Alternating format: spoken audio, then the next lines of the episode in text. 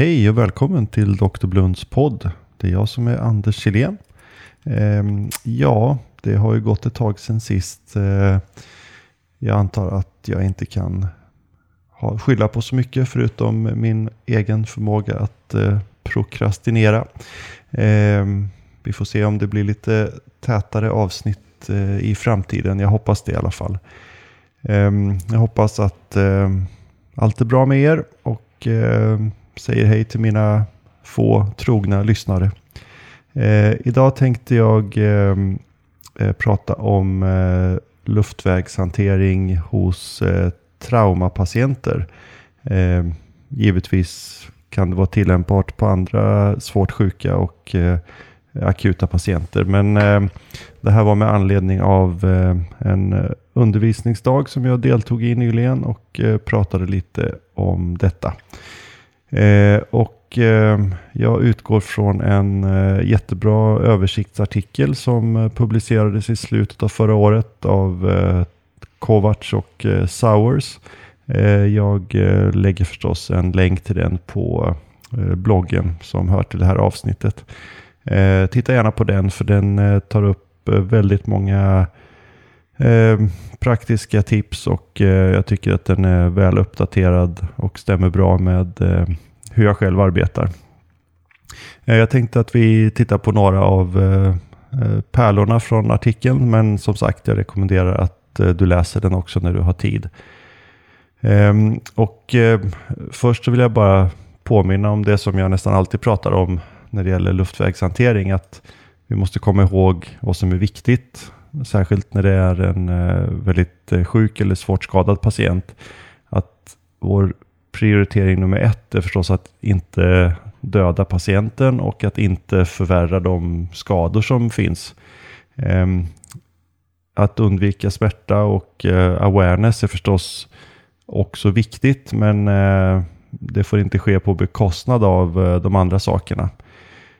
Så med det i minnet så eh, börjar vi lite snabbt och eh, det första området som jag tänkte prata om är eh, den instabila halsryggen. Alla som har gått eh, traumautbildningar vet ju att eh, tillsammans med A1 i den klassiska ABCDE-ramsan så nämner man också alltid halsryggen. I eh, en känd men eh Eh, varumärkesskyddad eh, formel för eh, traumaomhändertagande så säger man ju alltid till exempel eh, A står för Airway with C-spine control. Eh, och när man eh, testas på de här kurserna så riskerar man att bli underkänd om man inte ser till att alla traumapatienter är väl paketerade på spineboard och eh, huvudet fastbundet innan man börjar eh, hantera luftvägen. Och ni vet ju förstås hur det brukar se ut när traumapatienterna kommer in. Eh, de är fastspända på en spineboard, eh, huvudet mellan två block och en halskrage. Och det är ju raka motsatsen till vad vi i vanliga fall vill ha när vi ska intubera en patient. Ehm, så där har vi genast en liten konflikt när det gäller vår prioritering. Att vi, vi vill ju rädda livet på patienten. Ehm, och eh, jag kommer ihåg själv eh, ganska tidigt under min ST så hade jag en eh, vanlig trafikolycka med en ung man som hade krockat och slagit i huvudet. Men han var vaken när han kom. Ehm, lite agiterad men tillräckligt för att kunna gå igenom CT-undersökning och där fann man en densfraktur. Ehm, och strax därefter blev han väldigt eh, agiterad och ville hoppa ur sängen och gärna springa därifrån. Och jag kände mig väl tvingad att söva honom, men det var förstås väldigt nervöst och otrevligt när man hade sett den där avbrutna dens. Ehm, och eh, det där eh, händer oss alla. Så det kan vara bra att veta lite om ehm, halsryggsfrakturer som eh, är relevant. Eh, för det första är det inte så jättevanligt att eh, traumapatienter har halsryggsfrakturer. Om man ser på hela populationen av traumapatienter så är det ungefär 2 procent. Ehm, som har det. Och om de också har en huvud eller ansiktsskada så är det lite fler, ungefär 6-8 procent. Ehm, men det är ändå inte så att eh, alla traumapatienter har halsryggsfrakturer förstås. Eh, men eh, med det sagt så eh, ska man förstås ändå vara försiktig och inte förvärra skadorna.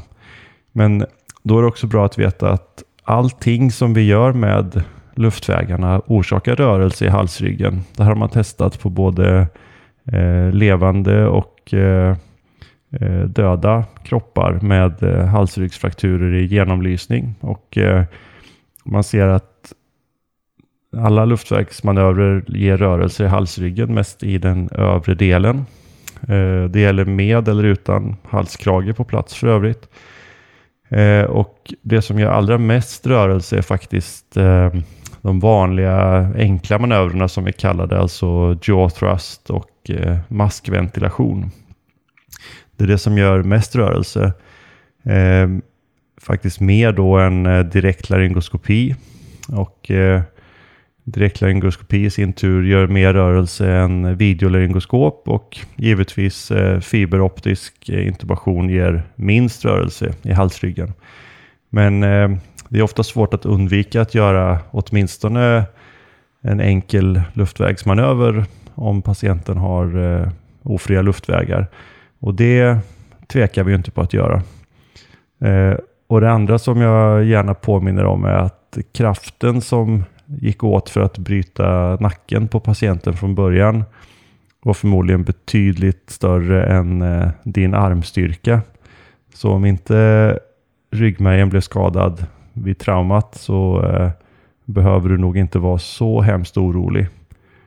Och det finns faktiskt inte en enda fallrapport där eh, man med säkerhet kan säga att eh, luftvägshanteringen ledde till eh, förvärring av en eh, halsryggskada.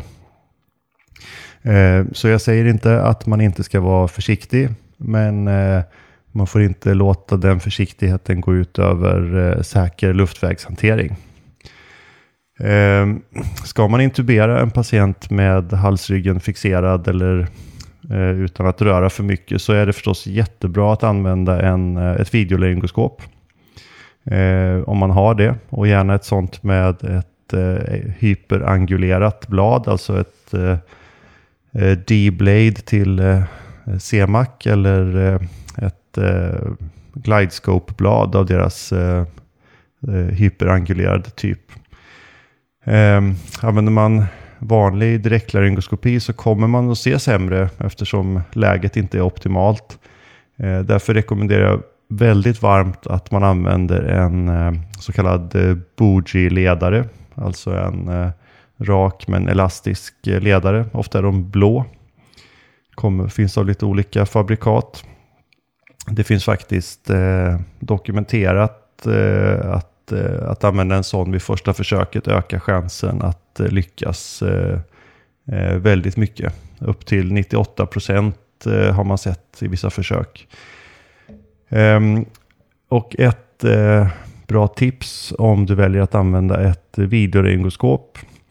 Du har säkert varit med om någon gång att du får en perfekt insyn över laringsöppningen. Ehm, en sån där som man gärna vill visa för alla som står runt omkring. Eh, och sen är det ändå svårt att få ner tuben. Och eh, det beror på att eh, eh, när man har den där jättebra bilden då ligger spetsen på bladet lite för långt fram egentligen. Och eh, det blir en väldigt brant vinkel för att få tuben att passera bakom tungan. Ehm, så då backar man helt enkelt bak bladet så att man får en avsiktligt lite sämre vy av glottis. Eh, man ska se bakre hälften ungefär. Eh, och då blir det mycket lättare att eh, få ner tuben faktiskt. Så det är ett tips. Försämra din egen vy med flit för att få lättare att få ner tuben. Ehm, och om patienten är vaken och stabil och har, ska opereras för en halsryggsfraktur, då gäller förstås som alltid att en vaken fiberoptisk intubation är det säkraste och det är också det som är gold standard förstås. Men eh, det är ju inte alltid som det är så bra utan en traumapatient kan ju behöva intuberas akut av andra skäl. Och då sammanfattningsvis när det gäller halsryggen. Eh, var försiktig givetvis men eh, faktum är att de eh, lätt enkla luftvägsåtgärderna är de som gör mest rörelse i halsryggen. Eh, ingen har någonsin eh, rapporterat eh, försämring av en neurologisk skada orsakad av luftvägshantering. Och eh, kom ihåg att det handlar om att eh, rädda livet först på patienten. Ehm, det var det om halsryggen. Eh, nästa sak som eh, jag tänkte prata om och som tas upp i artikeln eh, är eh, den kontaminerade luftvägen. Alltså en luftväg som är fylld av blod eller kräks eller andra saker som kan ha kommit dit på grund av ansiktstrauma eller kräkningar eller eh, annat. Eh, det kan ju också vara en icke-traumapatient som kommer en Eh, Ilius med eh, stor ventrikelretention som kräks eller eh, en GI-blödning. De, de patienterna ser vi också allt som oftast både på akutrum och operationssalar.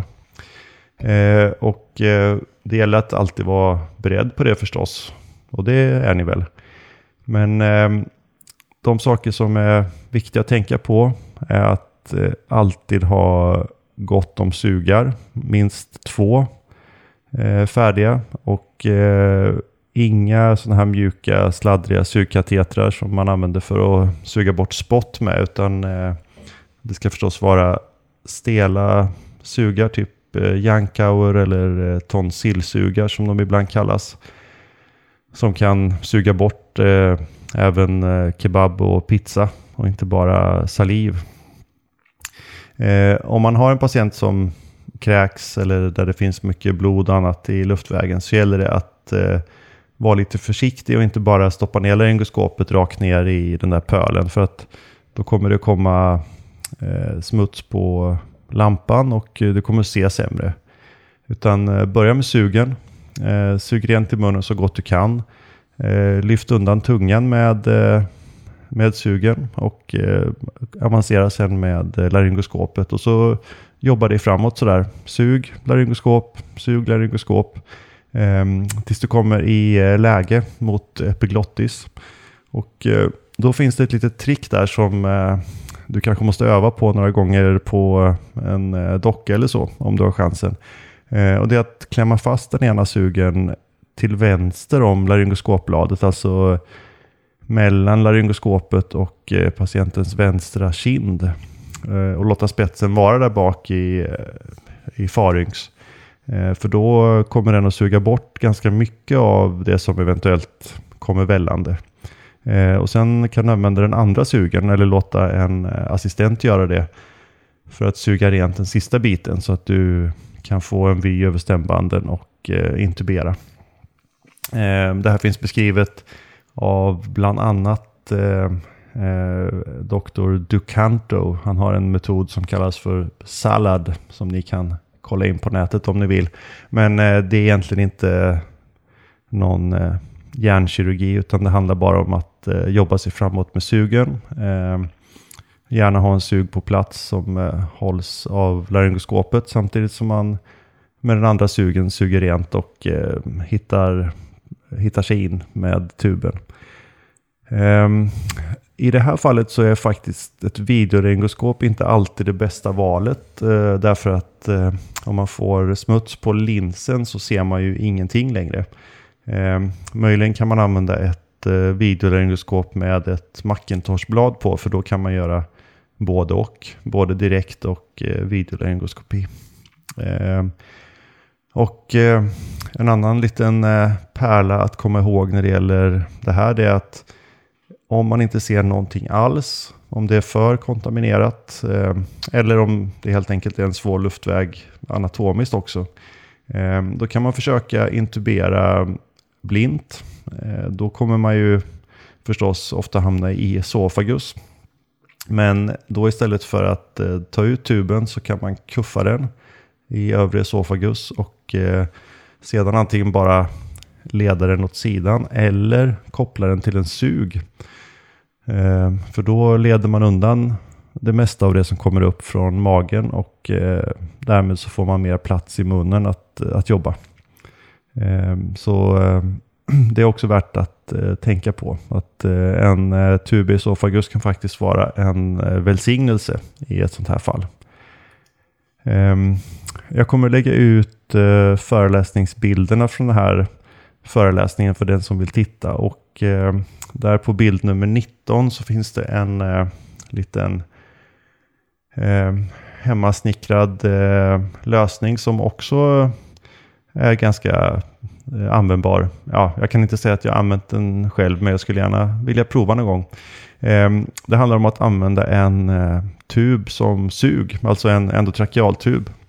Ehm, om man går och plockar ihop lite delar ifrån eh, sin intensivvårdsavdelning och från eh, barnbordet på eh, förlossningen så kan man bygga en sån här. Man behöver nämligen en tub ehm, man behöver en eh, bronkoskopiadapter, alltså det här lilla knät som vi sätter på tuben för att kunna föra ner ett bronkoskop. Och på sidokanalen där, där man i vanliga fall då kopplar sin respirator, där sätter man en mekoniumsugadapter. Eh, det är alltså en eh, adapter som i ena änden har en respiratorkoppling, alltså som passar på tuben. Och i andra änden har en sugslangskoppling. Normalt använder man ju den för, då för att suga mekonium när man intuberar eh, nyfödda barn. Men i det här fallet så kopplar man den till en stor endotrakealtub. Och vitsen med att ha den här eh, eh, bronkoskopiadaptern är att där i kan man föra ner en tunn ledare så att eh, tuben också kan hållas i den form som man vill ha. Eh, på så vis får man en eh, grov eh, och stelsug som man kan använda för att rensa upp i munnen och när man har gjort det så förvandla sugen magiskt till en endotrakealtub och eh, ja, man kan göra slå två flugor i en smäll om man säger så. Jag har inte testat det live någon gång men eh, ta en titt där och eh, säg gärna vad ni tycker. Ehm, det var det om eh, den dränkta eller kontaminerade luftvägen. Ehm, nästa ämne är en eh, ovanlig men eh, ganska läskig sak, nämligen eh, trubbigt våld mot eh, trakea. Eh, det förekommer ibland vid trafikolyckor. Ehm, ett fall som jag kommer ihåg att jag var inblandad i var en cyklist som hade cyklat in i ett rep som någon hade spänt över en cykelbana. Det var väl inte så smart kanske. Ehm, i alla fall, när man får ett eh, trubbigt våld mot eh, framsidan av halsen så kan det leda till eh, mer eller mindre fullständig eh, eh fraktur av eh, trakea.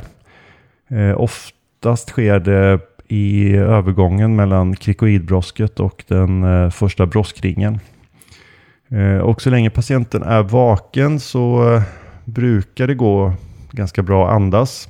Symptomen kan vara ganska eh, blygsamma. Det kan röra sig om lite heshet.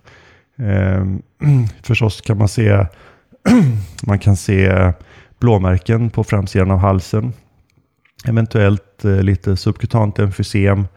Eh, men som sagt, det kan vara ganska så eh, små tecken. Ehm, och eh, det luriga här är att eh, om man söver och eh, försöker intubera den här patienten på vanligt sätt Eh, så kan man ha otur och eh, förvandla den här partiella skadan till en fullständig skada som man kan dela på trakea i två delar. Och om tuben då inte hamnar i eh, trakea nedanför skadan så har man stora problem förstås. Eh, till och med maskventilation med övertryck kan vara ett problem här för att eh, luften kan läcka ut och eh, förvärra ett eh, eh, subkutant emfysem som i sin tur kan hota luftvägen. Eh, så när man har misstanke om den här typen av skada så eh, bör man vara försiktig och eh, det bästa är att med patienten fortfarande vaken ehm, inspektera luftvägarna med ett ett eh, flexibelt eh, fiberbronkoskop. Eh, då kan man dels se skadan och dels eh, samtidigt intubera och se till att tuben faktiskt passerar förbi själva skadan. Eh, som sagt, eh, det här är som väl är ovanligt men det kan vara värt att tänka på om man ser tecken på trubbigt våld mot framsidan av halsen. Att helst försöka inspektera luftvägen från insidan innan patienten har blivit sövd. Eh, och eh, finns det en skada så ska man göra en eh, fullständig vaken intubation. Ehm, får man problem om man misslyckas eller om man är tvungen att göra en, en vanlig intubation här, då gäller det att vara beredd på att man måste konvertera till en kirurgisk luftväg. Och då ehm, är det inte säkert att en koniotomi, alltså en krikotyrotomi är det rätta sättet därför att som jag sa så är skadan ofta nedanför eh, krikoidbrosket. Eh, så här behövs det då en eh, trakeostomi för att eh, komma åt luftvägen. Eh, som sagt, tack och lov ovanligt eh, men eh, värt att tänka på. Eh, nu har jag pratat två gånger om eh, vakenintubation.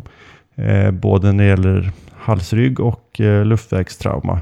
Ehm, och jag tänker inte göra någon eh, stor genomgång av det. Det får nog bli ett eget avsnitt tror jag.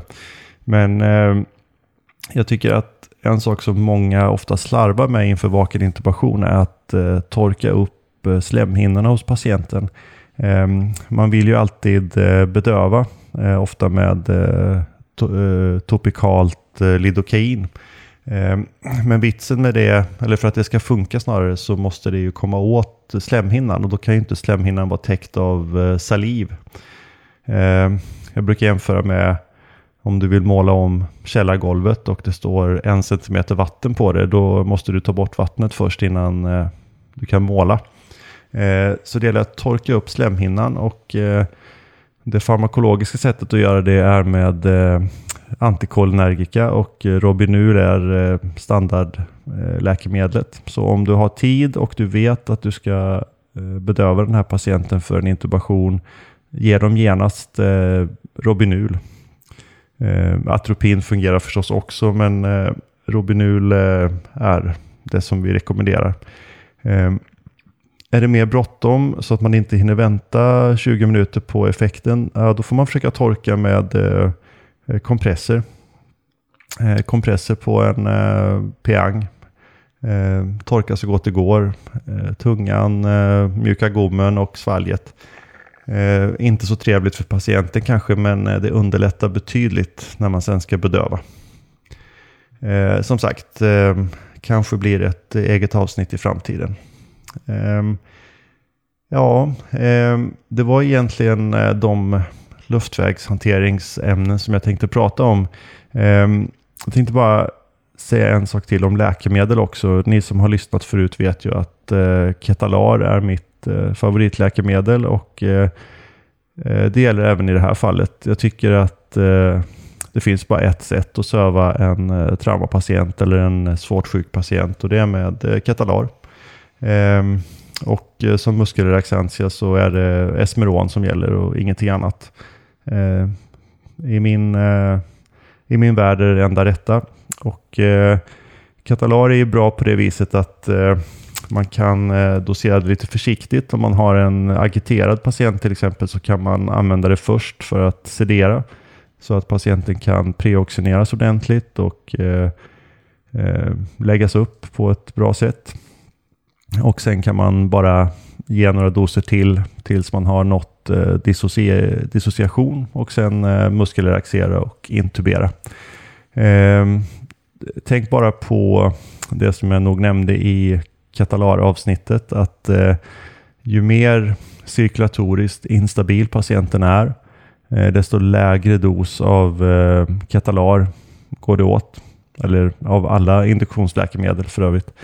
Ehm, så eh, inte 2 mg per kilo till en eh, patient i blödningschock utan kanske ehm, 1 mg eller kanske ännu mindre till och med. Eh, däremot måste man öka dosen av muskelrelaxantia om patienten är i chock. Så för en vanlig akut intubation med Smeron använder man ju 1,2 mg per kilo. Men man kan behöva gå upp Typ, eh, högre än så, 1,5 kanske 2 mg per kilo eh, för en eh, patient som är i svår cirkulatorisk chock. Och eh, sist av allt så glöm inte att även med Katalar så kommer blodtrycket att sjunka om patienten är i chock. Så du måste ta höjd för det innan. Se till att eh, åtminstone påbörja volymsubstitution och se till att ha någon vasopressor eh, antingen redan gående eller eh, i en uppdragen spruta. Så att du kan parera blodtrycksfallet som eh, kommer att komma. Även om du söver försiktigt och även om du använder Katalar. För återigen, kom ihåg det jag sa i början. Prio 1 är att eh, inte döda patienten. Och eh, blodtrycksfall är definitivt en eh, vanlig omedelbar orsak till hjärtstopp i samband med eh, intubation. Så eh, se till att eh, korrigera hypotension innan. Ehm, eh, ja, det var nog allt för den här gången. Ehm, jag hoppas som sagt att eh, det inte ska dröja lika länge innan vi kommer till nästa avsnitt. Ehm, men jag vill tacka er för att eh, ni lyssnar. Jag blir jätteglad om ni lämnar en kommentar på eh, drblund.se. Eh, jag blir också jätteglad om ni går in på eh, iTunes eller eh, Android Podcasts eller var ni nu prenumererar och lämnar en recension. Det skulle vara jättekul. Några av er har gjort det. Det tackar jag för. Och för övrigt så önskar jag er lycka till i er kliniska vardag eller med era studier.